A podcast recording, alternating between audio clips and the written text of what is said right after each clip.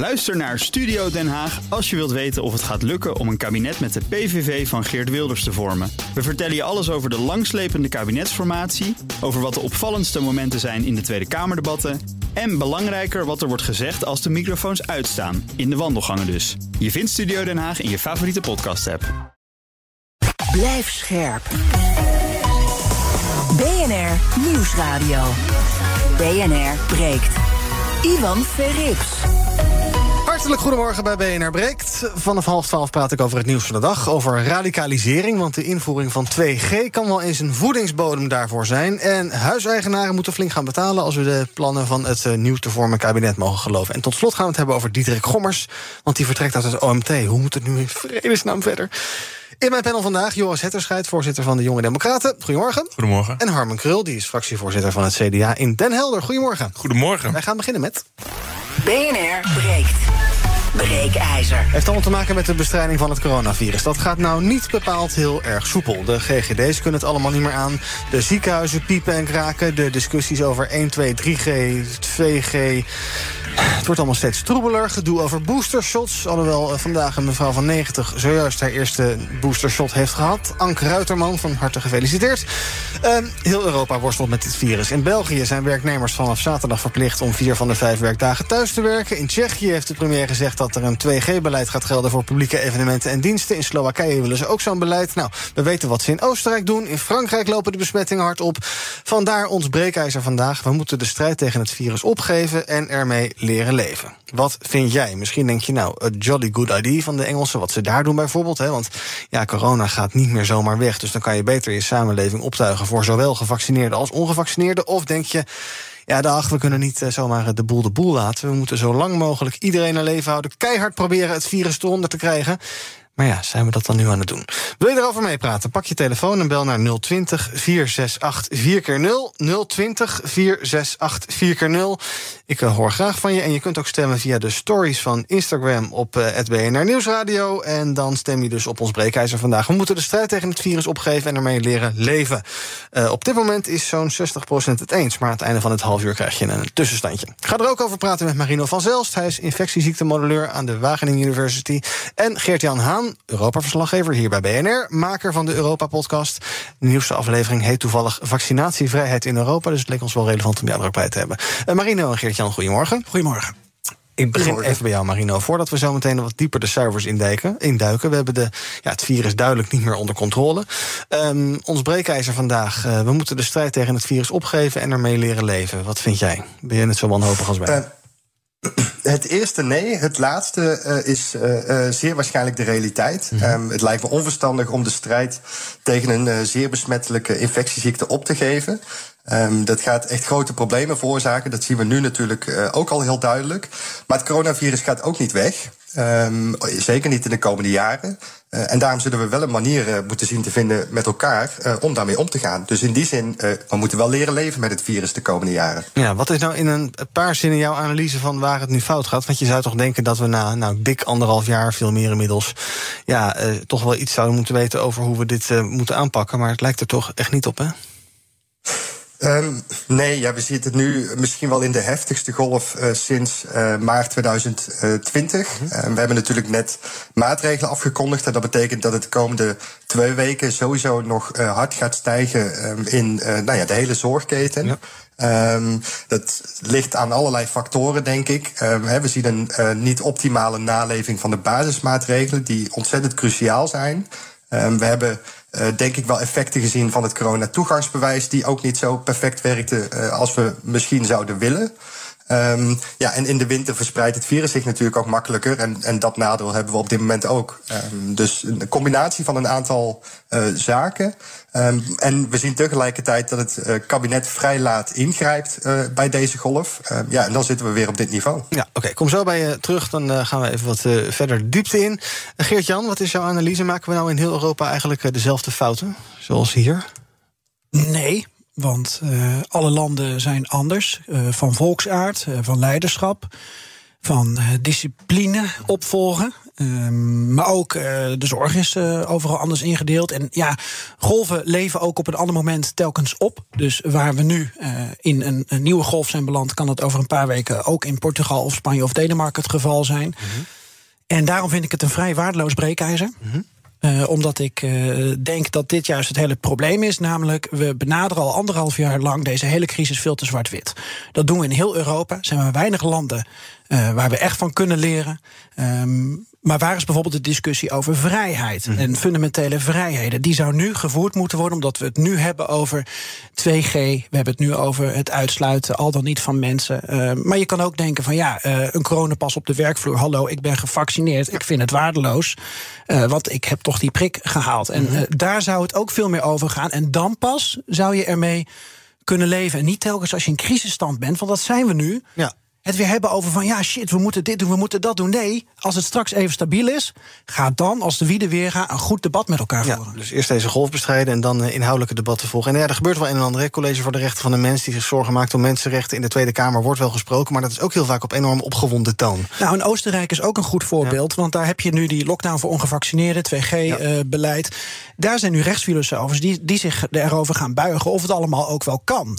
Uh, Europees parlement heeft nu ook aan de Europese Commissie gevraagd: hallo, ga eens even kijken of dit allemaal in sommige landen wel kan. Ja. Maar dat is eigenlijk natuurlijk de verkeerde volgorde. Ik het zeggen, omgekeerde wereld. Maar dat is de crisisstand. Alright, um, even een rondje panel. Daarna gaan we naar uh, onze bellers toe. Ik zie heel veel mensen bellen. Um, Joris, begin maar eens bij jou. Wat vind jij? Ons breekijzer moeten de strijd tegen het virus opgeven en ermee leren leven. Ja, zoals net werd gezegd, dat kan eigenlijk niet. Want als je dat doet, dan krijg je code zwart in de ziekenhuizen. Uh, maar ja, twee, het is nu, het is eigenlijk nu op een heel lastig punt. Want we hebben heel veel besmettingen. Dat is op, zich, op zichzelf niet zo erg. Maar heel veel uh, ziekenhuisopnames, heel druk in de ziekenhuizen. Um, en wat ga je nou doen? Ga je nou een lockdown of 2G doen? Ja, zelf ben ik dan tegen 2G, maar dan denk ik van ja. Dan een lockdown. Ja, maar daar ben ik dus ook tegen. Oh, ja, dus daarom is het zo lastig. Dan. En daarom zeg ik van, doe dan tijdelijk 2G met een einddatum. En dan uh, zo beperkt mogelijk, omdat het zo'n heftige maatregel is. Maar eigenlijk weet je het ook niet helemaal dus. Nee, maar het is, nee. het is gewoon een heel lastig moment. Omdat um, volgens mij 87% heeft één prik gehad. Mm -hmm. En je wil eigenlijk je wil het liefst gewoon geen onderscheid maken tussen gevaccineerd en ongevaccineerd. Want nee. dat kun je eigenlijk niet doen. Maar dat ga je dus toch wel doen. Want het moet maar. Je, er moet iets gebeuren. Ja. En dan zeg ik, doe dat dan kort met een ja. eindstip van vier weken bijvoorbeeld. Het is natuurlijk nog testcapaciteit opbouwen. Maar goed, dat is ook voor de korte termijn geen optie in Nederland. Armen? Nee, ja, nee, ik, ik, ik ben het wel eens met wat al gezegd is. Je kunt niet stoppen met het bestrijden van een crisis. Um, als je inwoner bent van Nederland of van welk uh, beschaafd land dan ook, dan moet je ervan uit kunnen gaan dat de overheid er is om jou te beschermen en er alles aan doet om, uh, om dat mogelijk te maken. En dat geldt in dit geval voor het bestrijden van een crisis. En uh, we hebben het net even over Europa gehad. Er is één geruststelling. Er is dus niet zoiets als een blauwdruk. Hoe bestrijd je een pandemie? Um, wat een crisis kenmerkt, is dat je altijd met onvolledige informatie beslissingen moet maken. En daarom zie je ook uh, dat er dus niet één land is waarvan je zegt van nou, die hebben het helemaal voor elkaar. Ja. Um, en dat is meteen ook het bewijs dat je dus niet zomaar kunt stoppen en zeggen van nou, we geven het op, we hijsen de witte vlag en uh, corona ga je gang. De vraag is, hoe ga je het inrichten? He, ga je, hoe lang blijf je in die crisisstand? Hoe ga je leren leven met corona? Maar dat is iets anders dan simpelweg stellen van... nou, we stoppen ermee. En, uh, Mag ik een hele korte lans breken voor Zweden? Want daar zijn de cijfers nu relatief laag. En daar wordt nu dus een debat gevoerd over... gaan we die QR-code invoeren ja. in, uh, op hele kleine schaal? Want die was ooit natuurlijk bedacht in Europa... om gewoon mee te kunnen reizen. Nou, nu is het ongeveer een toegangsbewijs tot alles. En daar voeren ze het debat op het moment... dat het relatief laag is in de uh, slechte cijfers. Ja, hadden wij misschien in de zomer kunnen doen. Maar dat hebben we toen niet gedaan. Nee, toen wilden we leven. Slutty Summer. Even een paar bellers aan het woord laten. Kijken hoe zij het denken over ja, hoe we dit nou moeten inrichten... de verdere bestrijding van het coronavirus. Ons breekijzer is dus vandaag het volgende. Um, we moeten de strijd tegen het virus opgeven en ermee leren leven. Meneer Huigens, goedemorgen. Ja, goedemorgen. Zeg het maar. Nou, het strijd opgeven kan natuurlijk niet. Uh -huh. Maar we hebben tot, uh, tot op de dag van vandaag uh, een, een, een kort, kort beleid, beleid termijn gehad... En nu, nu een beetje terug gaan kijken over de eerste tijden... moet als we eerlijk zijn zeggen... ja, dit was toch niet goed en dat was ook niet goed. Mm -hmm. Te kort, uh, dus ik denk dat er een club moet komen... Van, uh, die het lange termijn uh, een keer gaat op een rustige manier gaat bekijken... en bijvoorbeeld het ziekenhuis te, moet erin gaan zitten. Ja. Was dat vorige over ziekenhuis, dit en dat, schreeuwen, piepen. Nou, voor één dag, de tweede dag gooi je er nergens meer over. Dus er moet iets van deskundigen, mm -hmm. die daar op een rustig moment over kijken. En laat het een strategisch plan zijn van, van, van misschien wel tien jaar. Waar iedereen zich kan, kan houden, iedereen op een rustige manier kan doordenken. Moeten we doorgaan met dat inenten of niet? Duidelijk. Dus ik denk dat het moet worden. Dus dat, dat korte termijn denken loslaten. Niet, eh, niet natuurlijk niks meer doen. Maar zo, zo kort mogelijk een lange termijn strategisch plan. Waar iedereen het in kan vinden. Ja, en dat is misschien de beste weg. Een commissie die nadenkt over de lange termijn... en die een beetje de opwinding van de korte termijn eh, achter zich kan laten. Dus Frodo, goedemorgen. Ja, momentje, ik kom eraan. Oh, komt net van het toilet af. Ja, zeg maar. Ja. Hey, ehm, ja, ik zeg loslaten, dit, dit beleid betreft. Vorig jaar was er al een superplan van eh, Herstel NL. Dat betekent de jonge mensen laten infecteren op de natuurlijke manier. Eh, we komen er nu achter dat die vaccins, eh, die IKEA-vaccins, worden eh, uitgelachen door het virus. Eh, de werking die verliest eh, na drie, vier, vijf, zes maanden eh zijn grootste minder. werking. Ja, nou, ja. En eh, ja, eh, ja, dat is de weg eigenlijk. Hm, Herstel oké. NL. Zijn nou IKEA-vaccin? Ja, met stoom en kokend water in elkaar geflampt. Ja, ja, precies. Oké.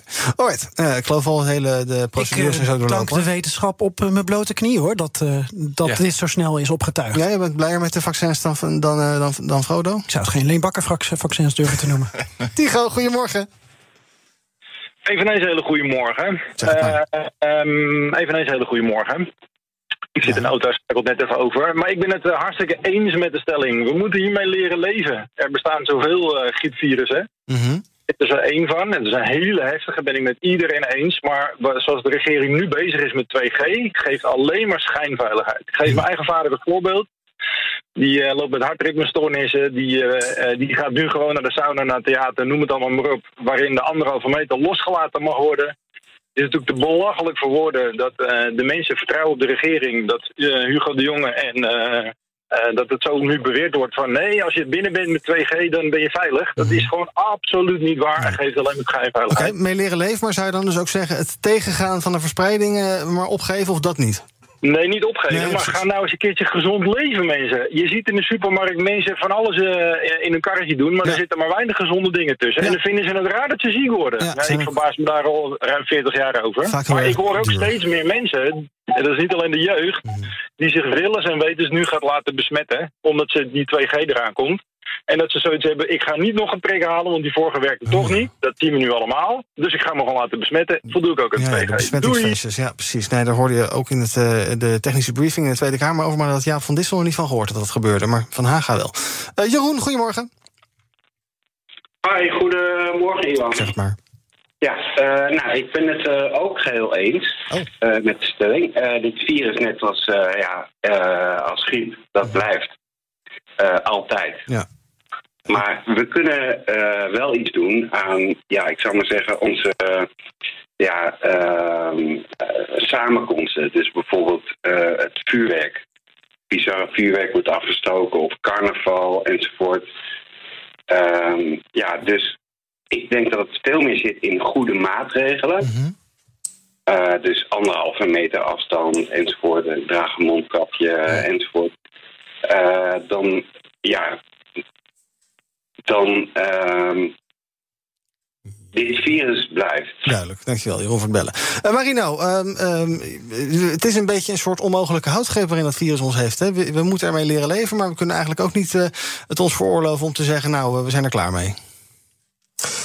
Nee, klopt. En ik vind dat de eerste beller het eigenlijk wel mooi schetst. Eh, we hebben afgelopen eh, nou ja, bijna 20, 21 maanden eh, vrij korte termijn reacties gehad. Ehm, hè, de de minister De Jonge schetste de afgelopen persconferentie ook.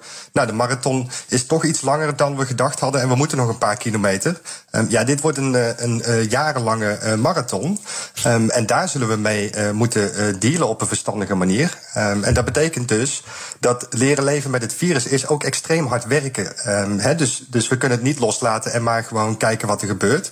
Want dan zitten we eh, op ehm, korte of langere termijn alsnog tegen hele eh, heftige maatregelen aan te kijken. Eh, ik denk daarom inderdaad dat het verstandig is om een lange termijnvisie te ontwikkelen. Bijvoorbeeld de WRR en de KNW hebben daar een mooi rapport over geschreven. Ehm, en eh, de bevolking en ons allemaal, inclusief de nou ja, instellingen die ons hebben te beschermen, zoals de GGD bijvoorbeeld, ehm, daarin mee te nemen en na te denken over hoe kunnen we nu op lange termijn met dit virus omgaan op een manier die ons zo min mogelijk raakt. Ehm, en als we eh, het gewoon maar loslaten en niks doen, dan gaat het ons vanzelf weer keihard raken. Eh, en dat is zeker niet de oplossing. Nee. Um, Gert-Jan, jij gaat op 2G-reis in Europa volgende week, hè? Ja. Waar ga je allemaal heen? Waar wil je Nou, ik ga met name naar de Duitsstalige landen en dan pik ik eh, ook nog een stukje Frankrijk en, eh, en België mee. Ik wil vooral hele, kijken. Hele dozen mondkapjes klaar liggen waarschijnlijk. Ja, in eh, Duitsland en Oostenrijk heb je FFP2. hè? Ja, precies. Ehm, en toevallig is er vandaag een, een groot wetenschappelijk onderzoek gepubliceerd. dat mondkapjes eigenlijk het meest effectief zijn in de strijd tegen het virus oplopen. Dus nog meer dan afstand houden. Wat dat betreft is België misschien wel. Toch een soort voorloper waar ze nu eh, eigenlijk voor overal weer die mondkapjes heilig hebben verklaard. En ik ben vooral benieuwd naar hoe dat debat nou wordt gevoerd, zowel politiek als maatschappelijk. En dan ook met die fundamentele vrijheden in het achterhoofd. Want we staan nu echt, volgens mij, op een soort kruispunt. We zijn in een nieuwe golf beland. Niemand snapt eigenlijk hoe dat kan. Eh, het ligt aan niemand. Maar we zullen het toch met z'n allen moeten oplossen. En ik ben heel benieuwd ook of je volksaard en leiderschap en communicatie en reflectie op basis van anderhalf jaar, hoe landen dat met elkaar verbinden. Eh, om eh, te kijken of er eh, betere tijden kunnen aanbreken. Harmon, hoe kijk jij naar het politieke proces hier in eigen land? Ik heb gisteren eh, wat zitten kijken. Ik vind het leuk om af en toe naar de Tweede Kamer te luisteren. Kan je een, Ja. een debat direct, een fijn appje, kan je hem op je oortje zetten en zo, helemaal ideaal. Ja, dan is het toch heel erg opgewonden gepraat de hele tijd over 2G. En eh, nou ja, in een debat dat helemaal niet over corona gaat, dan gaat het opeens over hele andere dingen, over tribunalen en dergelijke. Ehm, waarom lukt het de politiek ook maar niet om hier iets rustiger naar te kijken en inderdaad wat meer, wat ook een van die wat Marino net zei, een lange termijnvisie te ontwikkelen en Nou. gewoon daar fundamenteler over te praten in plaats van opgewonden de, de, de, de, de waan van de dag te bespreken. Het eh, ontwikkelen van lange termijn visies is iets, is, is iets wat het parlement natuurlijk op meerdere dossiers lastig vindt de afgelopen tijd. Ehm, het zit hem inderdaad in de verhitheid van de discussie. Het is iets wat iedereen bezighoudt. Ehm, en we hebben het in het tweede blok ook over. Ja, het is ook een voedingsbodem voor een stukje eh, radicalisering, voor het ehm, vergroten van je achterpan. Wat voor sommige partijen, voor sommige mensen juist wel een soort van opportune kans lijkt. Ehm, en dat gijzelt het debat ook. Ja. Eh, Het knippen en plakwerk van filmpjes, het, het, het snelle scoren, het, het, het, het ontlokken van een bepaald statement. Is daarin er nog een rol voor Iwan en mij weggelegd? Dat wij eigenlijk meer aandacht moeten besteden aan die lange termijnvisies... in plaats van elke dag maar weer eh, op die cijfers te zitten? I- Nou ja, ook ja. Het gaat uiteindelijk om het schetsen van perspectief. En we hebben een jaar lang het kabinet natuurlijk een beetje eh, uitgelachen. Ik ook. Van ja, wat is dat dan, perspectief? Maar als je dat helemaal loslaat en je focust je alleen maar nog op de angst van, van vandaag en de onzekerheid van morgen. En je vergeet dat er inderdaad ook gewoon over, over een x aantal jaar. Ehm, weer een andere samenleving moet zijn waarin we het wel voor elkaar hebben gekregen. Ja, en, en daarvoor alvast voorbereidingen treffen. Ik denk dat dat wel een stukje rust kan brengen en een stukje hoop kan geven. Omdat het nu alleen maar gaat over wat we morgen allemaal niet meer mogen. Ja, dat kan best wel eens veel zijn. Joris, eh, jij zei het al, 2G, daar ben ik eigenlijk geen voorstander van. Maar als het moet, dan maar kort. En eh, nou ja, liever niet eigenlijk. Ehm, die coronapas, hoe kijk jij überhaupt naar het corona-toegangsbewijs? Er is best wel, best wel vragen over hoe functioneel dat ding nou eigenlijk is. Zou je daar meer over willen weten? Of zeg je van, ik geloof wel dat dit een soort paardenmiddel is... wat eh, voor de korte termijn goed kan werken? Ja, ik denk dat het iets wat voor, voor nu goed werkt. Alleen het is natuurlijk.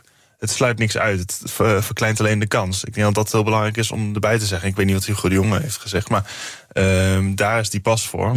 En niet voor zo van nou, als je met die pas binnen bent, dan raak je niet besmet. Want zo werkt het natuurlijk niet. Want gevaccineerden kunnen het nog steeds doorgeven. Alleen je moet gewoon proberen dat zij niet in contact komen met ongevaccineerden. Want ongevaccineerden komen weer eerder in het ziekenhuis.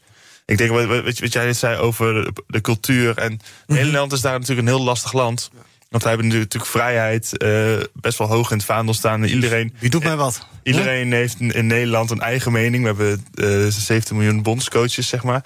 Ehm, dat maakt het ons zo lastig. Bijvoorbeeld Portugal is misschien veel... die mensen die luisteren misschien veel beter. En die eh, vaccinatiecampagne was misschien veel harder. Ja, de daardoor- communicatie, hè? Ik weet niet of Ja. je die inmiddels Ja. befaamde anekdote kent. De, de generaal van Portugal, zo wordt ja. hij genoemd, de leider, die zei... Als je twee wegen hebt en op de ene weg staat één sluipschutter en de andere staat er 500, welke neem je? Ik neem die ene dan.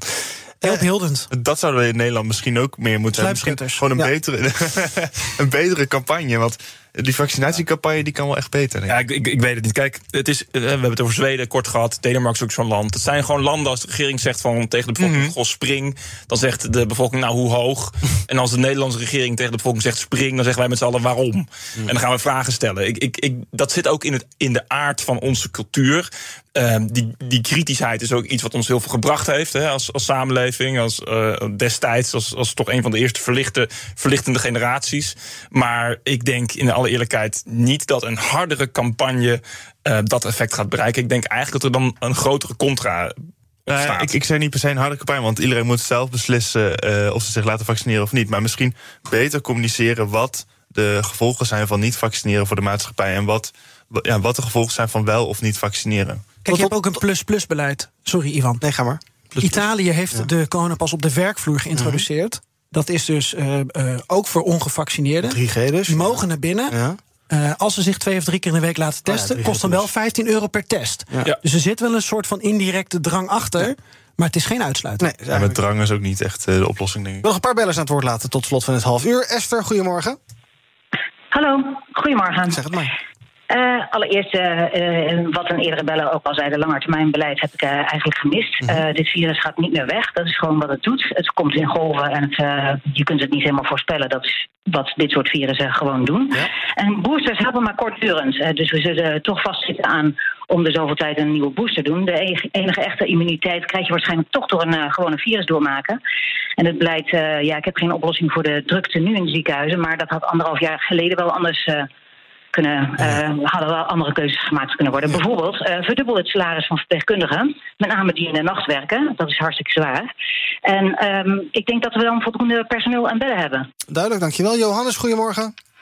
Ja, goedemorgen. Ik uh, sluit me helemaal aan met de vorige beller. Ja, ik dacht eigenlijk dat ik mezelf hoorde praten. Oh, nou was het niet hoor. Maar maakt niet uit. Toch dank voor het bellen. Tot slot, uh, Walid, goedemorgen. Hey, goedemorgen. Zeg het maar. Uh, ja, ik denk dat we met het virus moeten leren leven. Ja. Want als we eerlijk gaan kijken, ja, hoe lang zijn we nu uh, verder? Twee jaar. We weten nog steeds niet hoe we met het virus om moeten gaan. We verdelen een, uh, ja, een tweedeling in de samenleving. En daarbij, als je 2G gaat invoeren, dus alleen ja, gevaccineerd of genezen, mm -hmm. wat gebeurt er dan? Er wordt minder getest, waardoor de besmettingen minder lijken. Want ja, mensen die niet meer nergens naartoe gaan, die hoeven natuurlijk niet meer te testen, waardoor de cijfers in één keer omlaag gaan. Mm. Duidelijk. Dus de verbinding is een beetje slecht, maar uh, dank voor het bellen, Walid, in ieder geval. Tot slot van het half uur. Marino, nog heel kort. Uh, uh, ja, ik zie allemaal berichten over code zwart in de zorg en dergelijke. jij hebt ook zorg op dat gebied. Wat is, nou ja, dan toch maar de korte termijn. Want ja, wij kunnen hier wel lange termijn beleid gaan bedenken. Maar iedereen is toch benieuwd naar morgen, overmorgen, volgende week en volgende maand. Ehm, hoe, ja, hoe, ja, jouw vooruitzichten zijn niet heel rooskleurig, hè, Marino? Wat moet er gebeuren? Oh, Marino is al weg. Die dacht ook, bekijk het maar. Die wilde ook geen korte beleidsreactie nee. meer geven. Nou, Marino's pleiten. Ik geloof dat er heel veel mensen zijn die toch pleiten voor uh, lockdowns... en dat dat toch wel verstandig is. Um, en, maar dat dat dan wel ongeveer nu moet gebeuren. En dat je elke dag een beetje daar te laat uh, mee bent. Even kijken op onze uh, Instagram-pagina. Hoe denken onze luisteraars erover? Over ons breekijzer. 80% is het eens met het breekijzer. We moeten de strijd tegen het virus opgeven en ermee leren leven. Dus toch iets heel anders dan hier in de studio. Enfin, dank jullie wel. In ieder geval Marino, die is opleiden. Dank Geert-Jan Haan, Europa-verslaggever. Fijne reis. We gaan je elke dag horen, geloof ik, hè, bij BNR ja. Volgende week. Op zeer uh, onwenselijke tijdstippen voor mezelf. Namelijk? Kwart over zes in de ochtend bij jou. Ja. En dan kwart over vier in de middag. Vier in de middag valt toch wel mee? Maar ja, kwart over zes in de ochtend is wel tamelijk vroeg. Ja. Dankjewel. Zometeen praten wij verder met, uh, met twee panelleden over het uh, fatsoen in de Tweede Kamer... dat totaal weglijkt, en daarbuiten trouwens ook. Over huiseigenaren die bij, bij de VVD inmiddels ook al niet meer veilig zijn. En Diederik Gommers die stopt, althans in het OMT. Zometeen in het tweede half uur van BNR Breek. Tot zo. Ook Thomas van Zeil vind je in de BNR-app. Je kunt live naar mij luisteren in Zaken doen. De BNR-app met breaking news, het laatste zakelijke nieuws... en je vindt er alle BNR-podcasts, bijvoorbeeld Het Nieuwe Geld. Download nu de gratis BNR-app en blijf scherp. Blijf scherp. BNR Nieuwsradio. BNR breekt. Ivan Verrips. Met in mijn panel twee politieke dieren. Harmen Krul, fractievoorzitter van het CDA in Den Helder... en Joris Hetterscheid, voorzitter van de Jonge Democraten. We praten over het nieuws van de dag. Te beginnen met de invoering van 2G. Er is gisteren weer eh, heel erg veel over gesproken, onder andere in de Tweede Kamer. Uh, dat zou wel eens een voedingsbodem kunnen zijn voor radicalisering... bij tegenstanders van dat 2G-beleid, zeggen deskundigen tegen BNR. Zeker als het door heel veel mensen als heel onrechtvaardig wordt uh, gezien... zal dat het geval zijn. En dat is dus mede afhankelijk of die regel inderdaad naar verwachting heel effectief is, ja of nee. Ja, dat is dus toch wel de vraag, zegt de hoogleraar sociale psychologie Kees van der Bos. Nou ja, Joris, een tweedeling is natuurlijk al langer gaan. Je gaat een tweedeling creëren als je gaat zeggen... mensen die niet gevaccineerd zijn, die mogen daar en daar niet meer heen. Um, maar de uh, sociale aspecten, maak jij je daar ook zorgen van? Zorgen omdat, ja, radicaliserende mensen... Uh, dat hebben we met uh, hooivorken bij ministeries op de stoep staan en dergelijke. Ja, dat is wel iets waarom echt zorgen te maken bij 2G. Dat je een, een, onderscheid maakt tussen gevaccineerde en ongevaccineerde. Mm -hmm. dat, dat, moet je eigenlijk niet willen. Alleen een lockdown heeft ook heel veel sociale gevolgen. Dus het is gewoon een hele. Ja, ik zit zelf ook nog gewoon met mezelf in de knoop. Ja. Want je moet een keuze maken. Mm -hmm. En dan is het makkelijker om te kiezen. Want je moet kiezen voor een vrijheid. Op dit moment zijn de uitgestelde operaties. Um, is eigenlijk ook een beperking van hun vrijheid. Mm -hmm. Um, en dan voor welke vrijheid ga je dan kiezen? En dan zou ik zeggen van kies dan kort voor 2G. Ja, en juist met die, met, die, met die deadline. Want dan heb je dus misschien dat mensen die dus niet gevaccineerd zijn... wel zoiets hebben van, oh, over een maand, dan kan ik weer. En dan moet, over, moet het kabinet zich ook echt aan die deadline houden. Ja. Want dan pas heb je een, een wat eerlijker, uh, eerlijker veld. Is het niet ook een soort brevet van onvermogen uh, als dit gebeurt? Hè? Stel, je krijgt een enorme radicalisering als dit gebeurt... en mensen die draaien er helemaal vandoor. Je ziet dat nu soms al. Uh, mensen die nou, niet weten hoe ze ermee om moeten gaan. Ehm, is dat niet ook een brevet van onvermogen van de politiek... dat blijkbaar niet goed uitgelegd kan worden waarom dit nodig is? Want het is natuurlijk ook... Ja, mm. het is het College van de Rechten van de Mens, ik zei het al... maakt zich zorgen om de mensenrechten. Het is ook een heftige inbreuk. Ja, die communicatie vanuit de overheid is denk ik anderhalf jaar uh, belabberd. Dus dat kan zeker beter. En het is. Um, ja, dat kan beter. Ik, ik wilde niet zeggen, maar ik ben het even kwijt. ik ben het echt, echt niet eens met wat er nu gezegd wordt. Totaal niet. Um, een 2G-maatregel is in, in, in principe niet de reden dat er geradicaliseerd wordt. Radicalisering heeft een voedingsbodem nodig. En het is bijna altijd angst en onzekerheid. Mhm. Mm -hmm. En het gaat erom hoe je daarmee omgaat. Zeker in een voorbeeldfunctie, zeker als je in een parlement zit. Het is niet het kabinet die dat in de kaart speelt. Het zijn partijen, het zijn mensen die er op een hele slinkse, venijnige en gevaarlijke manier misbruik van maken. Door de schijn te wekken dat woorden geen consequenties zouden hebben. Dat je daar niet verantwoordelijk voor bent. Mm -hmm. Door altijd maar vaag te houden wat je precies bedoelt. We hebben het afgelopen week gezien. Gideon van Meijeren is zo'n zo'n geval. Pepijn van Houweling is zo'n geval. Daar zit het probleem. Ja, de 2G-maatregel doet een beroep op de veerkracht van de samenleving. Misschien wel meer dan ooit in het verleden gebeurd is. Maar het gaat erom wat voor perspectief je daar tegenover zet. Die gevoelens moet je erkennen. Die gevoelens van onzekerheid, die gevoelens van angst. Maar die moet je niet aanwakkeren. En daar zit het probleem en daar zit het gevaar van deze radicalisering. Dus het ligt niet primair bij het virus, nee, jij? Die ben... zit niet bij de communicatie van de overheid. Mm -hmm. Die zit bij een groep mensen die er een belang in zien om angst en onzekerheid aan te wakkeren en om dat te vergroten. En daar ben ik het uh, helemaal mee eens. Alleen als Hugo de Jong in een persconferentie zegt van je moet je gewoon laten vaccineren. Uh, het is een vrije keuze en voor heel veel mensen is dat niet gewoon. En dan zetten mensen al een hakken in het zand. En dan hebben mensen zoiets van, oh, dat ga ik niet doen. Tuurlijk. Jij denkt dus dat je daar niet met fatsoenlijke de, de uitleg tegenop kan... tegen uh, polariserende partijen? Het is, het is inderdaad zo dat mensen misschien in een bepaalde weerstand schieten bij maatregelen. Dat uh, de 2G-maatregel voor heel veel mensen voelt als een inbreuk op hun vrijheid. En daar moet je op een hele zorgvuldige manier mee omgaan. Maar dat is iets anders dan radicaliseren. Dat is iets anders dan de gevaarlijke wijze waarop. Um, als iemand zegt van nou, als iemand geen afstand neemt van haatmails bijvoorbeeld, wat we met Gideon van Meijer hebben gezien. Ja. Als er met een vingertje gewezen wordt, er komen tribunalen. Als ik zie wat voor drek en troep Thierry Baudet op het internet verspreidt naar een hele grote groep mensen. Daar, moet, daar ligt de verantwoordelijkheid. Ja. Ik vind echt dat we een punt aan het bereiken zijn dat het niet meer gaat om wie of welke partij, maar dat het gaat om, over de vraag: wat zijn we bereid te accepteren als samenleving? En ik vind dat we die discussie moeten voeren. Ik vind dat de voorzitter van de Tweede Kamer, de ondervoorzitter, die vergadering had moeten schorsen, Mhm. mm -hmm. meteen. En dat we op hele korte termijn dit gesprek met elkaar moeten voeren. Want anders gaat het de verkeerde kant op. Ja, had uh, Tellige, ondervoorzitter, ook um, uh, in dit geval dus Pepijn van Houwelingen uit die vergadering moeten Meteen. zetten? Ja, dat is mijn mening. Mhm. Eh, maar ik vind op, op zo'n moment dat je in het huis van de democratie, Mhm. waar je altijd met een bepaalde waardigheid met elkaar om moet gaan, waar je een voorbeeldfunctie hebt. Dit zijn levensgevaarlijke uitspraken. En het beeld wat gecreëerd wordt van ja, woorden. of ik ben niet verantwoordelijk voor de, voor, voor de consequenties van de woorden die ik bezig. Of ik heb het niet zo bedoeld, maar ik neem ook geen afstand Mhm. van, van de inhoud. Hè. Dus altijd maar dat vaag houden. Daar moet echt een streep eh, doorgezet worden. Joris, ik geloof dat ehm eh, eh, Baudet wel eens heeft gezet... ja, we zijn een partij van ophef en ophef is een beetje ons doel. Hè? Ehm, nou, dat lukt zo goed. Ja, maar dat is natuurlijk een hele verkeerde insteek. Want je zit in de politiek om iets te doen voor het land. En niet om ophef te creëren. En ik ben het helemaal eens met wat Harmen zegt. Dus dat gaat op dit moment gewoon echt te ver. Je had van de week een debat met, eh, met Volt.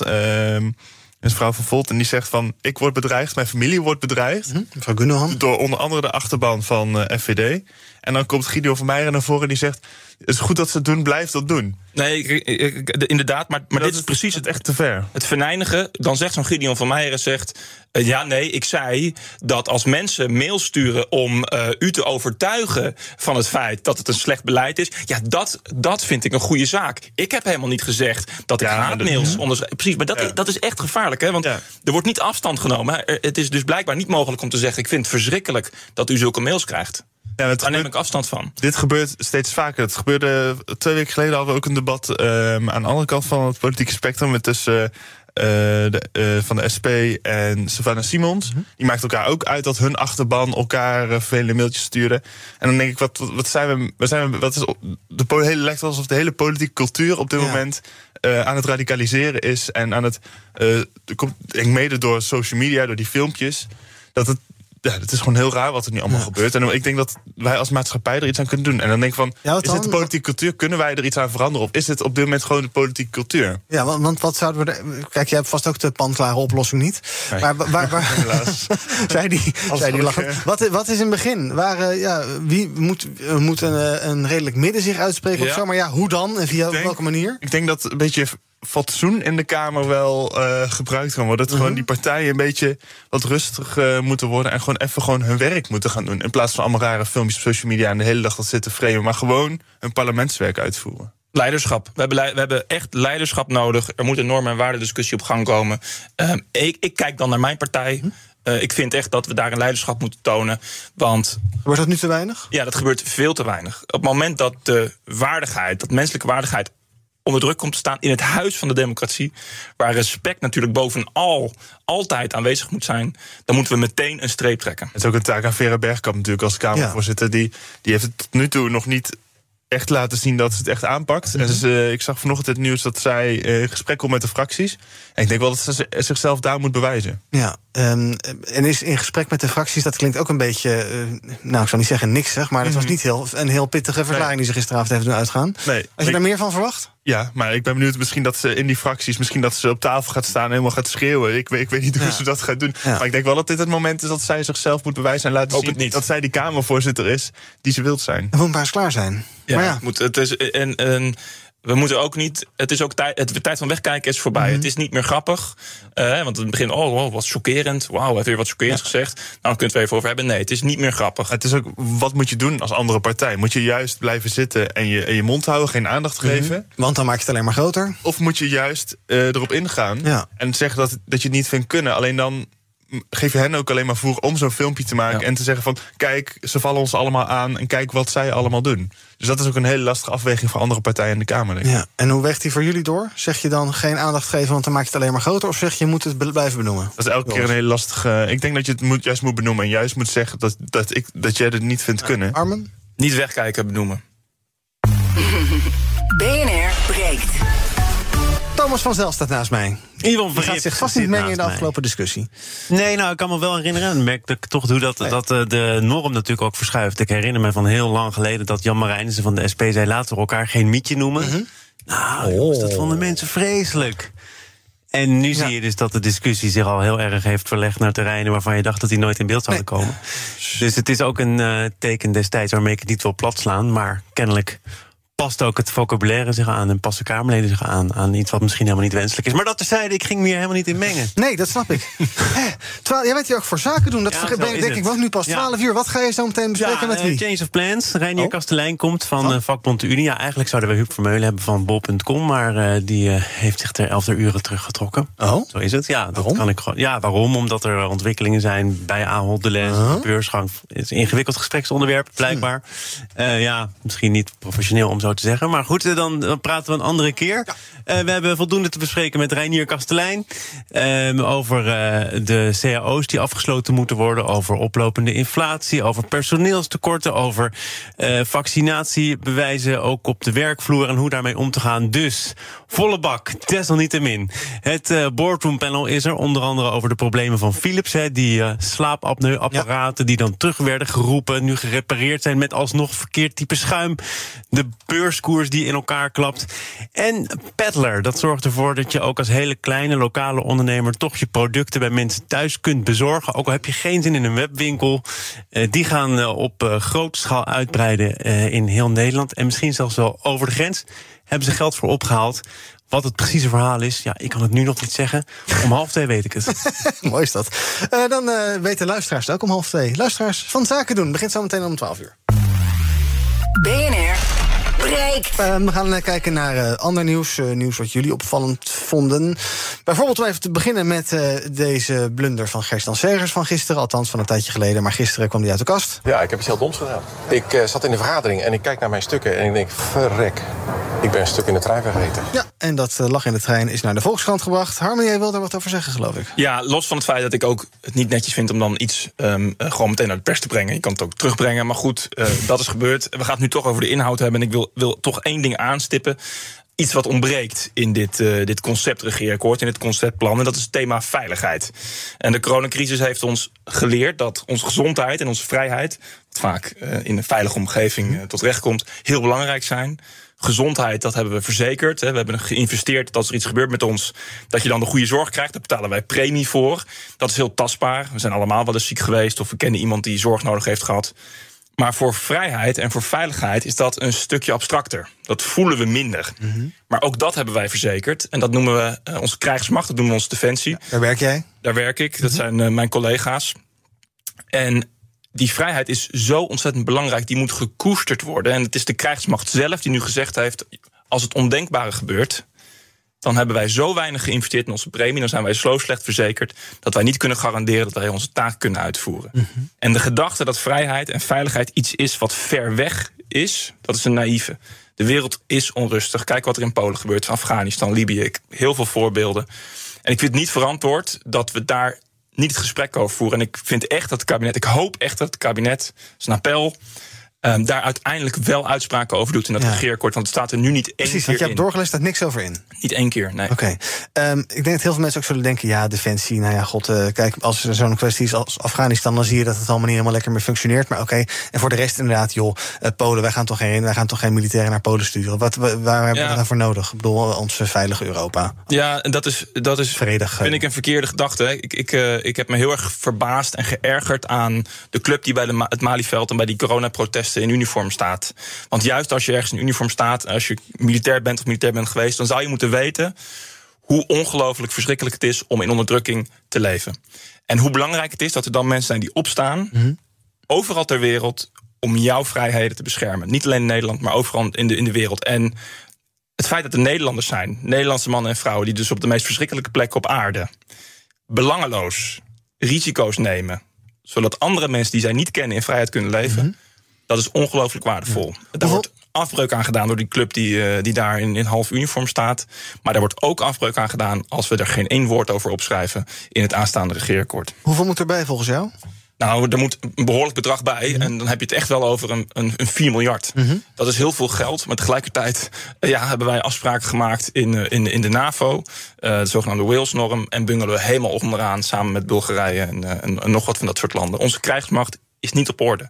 Dat klinkt misschien vaag. Het is niet zichtbaar, hè? Want Het is we- niet ja. zichtbaar. Maar onze veiligheid is dus ook niet op orde. Nee. En we hebben gezien met corona. hoe weinig er maar hoeft te gebeuren. En het wordt ineens heel tastbaar allemaal. En dan zijn we heel blij dat we voldoende hebben geïnvesteerd in, de, in datgene wat uh, ons uiteindelijk beschermt. Joris, sluit je bij dat appel aan? Is dit uh, iets waar we veel te weinig aandacht voor hebben en wat een soort onzichtbaar probleem is? En zolang het geen oorlog is, blijft het onzichtbaar. En dan, uh, ach, ja, ik denk, wel dat, ik denk wel dat er volgens mij zij zijn de afgelopen tien jaar ook bezuinigd op defensie. Zeker. Ja, de afgelopen dertig jaar. Ja. ja, precies. Ik denk wel dat het tijd wordt om iets te gaan investeren. Ik denk op landelijk niveau en op Europees niveau, om ook met andere landen samen te gaan werken op, op defensie, mm -hmm. op defensiegebied. Uh, dit document was natuurlijk volgens mij meer een paai-document voor D66 om, uh, om erbij te komen. Uh, dus dan snap ik op zich wel dat die bijstaat. is wel echt een, een, een goed appel om dat te, te, noemen voor het echte regeerakkoord wat, er, wat eraan komt. Um, jij wilde het nog hebben over het leenstelsel, Joris. Ja. Want je mag je, dat gaat, althans, ja, nou ja, dat gaat waarschijnlijk verdwijnen. Alhoewel we ook niet helemaal zeker weten of de VVD dat laat gebeuren. Maar oké, okay. jij maakt je in ieder geval zorgen over de afhandeling daarvan. Ja, ik hoop heel erg dat, uh, de dat de, het leenstelsel wordt afgeschaft. Mm. Alleen dan komt er natuurlijk een tweede uh, compensatie. Want er komt er een nieuw stelsel. Um, en iedereen die in de leenstelselgeneratie uh, zit, of heeft gezeten, die heeft recht op moet een compensatie krijgen. Mm -hmm. En D66 die vond altijd een foutje van 4000 euro om de rest van je leven nog te laten leven. Nou, dat vind ik een heel slecht idee. Dat is veel te weinig. Toevallig hebben wij dus afgelopen week op het D60-congres een, een motie aangenomen gekregen. Dat, uh, nu is D60 dus voor compensatie aan de hand van het nieuw te vormen stelsel. Ja. Dus dan krijgen ze met terugwerkende kracht wat je zou hebben gehad als dat stelsel al was ingevoerd. Uh -huh. En ik ben heel erg blij dat D60 daarvoor staat, maar ik maak me heel erg bang. Ik ben heel erg bezorgd hoe dat gaat in de formatie. Want ik hoop echt dat daar iets gaat gebeuren of voor compensatie. Want mm. andere partijen denken daar weer anders over. Ik hoop echt dat dat, dat er doorheen gaat komen. En ik vroeg net aan Harman, wat gaat zijn pleidooi kosten? Wat gaat jouw pleidooi kosten? Ik denk heel veel geld. Uh -huh. Maar het is gelukkig incidenteel. Want je, dat geld heb je allemaal bespaard met het, uh, met het leenstelsel. Want hm? dat zou eigenlijk iedereen terug moeten betalen. Um, we hebben gewoon gemerkt, het is gewoon geen goed stelsel, het leenstelsel. Dus nee. dat, dat, moet ook gewoon weg en dat moet ook gewoon terugbetaald worden. Ik zie dat je wil reageren. Ja, ik wil reageren, want ik heb in, het, uh, in de campagne voor Tweede Kamerverkiezingen... heb ik, heb ik ontzettend vaak met, met Carline, Carline van Breugel uh, hierover mogen spreken. En het gaat niet alleen om het afschaffen van het leenstelsel... het gaat er ook om wat we ervoor terugkrijgen. En dan maak ik me ook zorgen om de plannen van D66... want die zijn niet per se voor een studiebeurs... maar die zijn voor een uh, verzilverbare belastingskorting... die je uiteindelijk ook gewoon zelf betaalt. Want die moet je ook inzetten voor je, voor je, huur, voor huur, voor je huurheffing... Um, ik hoop gewoon dat we niet alleen het leenstelsel afschaffen, dat we die basisbeurs terugkrijgen. Mm -hmm. En, en dat vind ik heel sterk, dat dat ook door het congres is, juist door de jonge democraten, dat vind ik fantastisch. Um, dat we die compensatie voor die generatie goed, goed regelen. Ja, ik, ik denk echt dat we die compensatie echt niet moeten vergeten. Omdat nee. Zo'n leenstelsel is zo zwaar op dit moment. Je, je kan geen huis kopen door een studieschuld. Het, het, het, ligt zoveel zwaarder dan men denkt. Dus daarom is die compensatie zo ontzettend belangrijk. We gaan even kijken wat er trending is op de socials. Onder andere hashtag coronadebat, hashtag coronamaatregelen, hashtag 2G-regels en hip en happening. Ook een beetje liefde op de wereld door de hashtag DDK. Kennen jullie, hè? Nee, nee. nee. de dikke donderdagknuffel. Ach, kijk. Ja, het is weer zover. Ja, dat moeten we dus niet doen. En ook dat moeten we... Oh, nee. Virtueel dan misschien. Of op afstand. Ja. En ook hashtag Gommers doet het heel erg goed op de socials.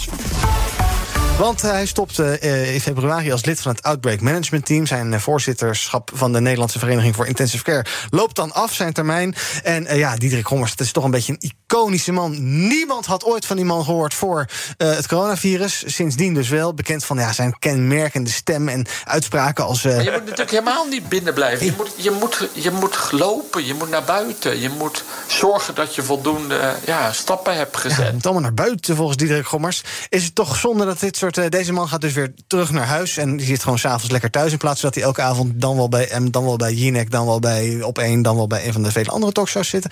Ga je missen? Um, ja, maar ik denk wat, wat, wat, wat, wat, wat hij. Uh, ja, Diederik. Uh, wat hij heel goed deed, was luisteren en erop ingaan. En proberen uh, iedereen in respect. proberen de, de, de, de, argumenten te geven -huh. waarom iets wel of niet te doen. Ik denk dat hij daar, daar echt wel een koning in was. En ja. ik, ik hoop ook dat hij dat blijft doen aan talkshowtafels. Ik, ik vind het heel goed dat hij dus stopt in het OMT, omdat hij gewoon geen voorzitter meer is. Ja. Dat is hartstikke logisch. Maar die rol die doet hij heel goed. En ik hoop dat hij dat blijft en zolang corona er nog is. Ben je ook een groot fan van Diederik Gommers en alle Ja. andere vaste gasten als het gaat om eh, de kuipersjes van deze wereld en zo? Ja, maar onderschat ook niet eh, het belang van zo'n persoon als Diederik Gommers. Er zijn heel veel landen waarin eigenlijk de Diederik Gommers, Mhm. Denemarken bijvoorbeeld, razend populair zijn geworden. En cruciaal, met name bij de vaccinatiebereidheid voor jongeren. Hè, want het is een hele eh, een, eh, ja, benaderbare manier van, van, van, van die crisis die hij altijd uitlegt. Hij heeft aangegeven dat hij gewoon beschikbaar blijft voor M en voor op 1 en et cetera. Dus we, gaan, we blijven hem gewoon zien. Want het is wel belangrijk. Goed zo. Nou, dan nemen we toch niet helemaal afscheid van. Dat is toch een geruststellend eh, slot van deze uitzending van BNR Breek. Dank jullie wel voor jullie aanwezigheid vandaag. Joris Hetterscheid van de Jonge Democraten en Harmen Krul van het CDA in Den Helder. Morgen is eh, BNR Breek er weer. Dan met Kees Dorrestein. Tot die tijd kun je ons volgen via de socials. Je vindt ons op Twitter, Instagram, YouTube. Waar je wil ook gewoon op die oude website met die browser bnr.nl. Zometeen is er eh, zaken doen met Thomas van Zel. En wij gaan naar buiten. Dag. Bij BNR ben je altijd als eerste op de hoogte van het laatste nieuws. Luister dagelijks live via internet. Bas van Werven. En heel langzaam komt de zon op rond dit tijdstip. Je krijgt inzicht in de dag die komt op BNR, het Binnenhof in Nederland en de rest van de wereld. De Ochtendspits. Voor de beste start van je werkdag. Blijf scherp en mis niets.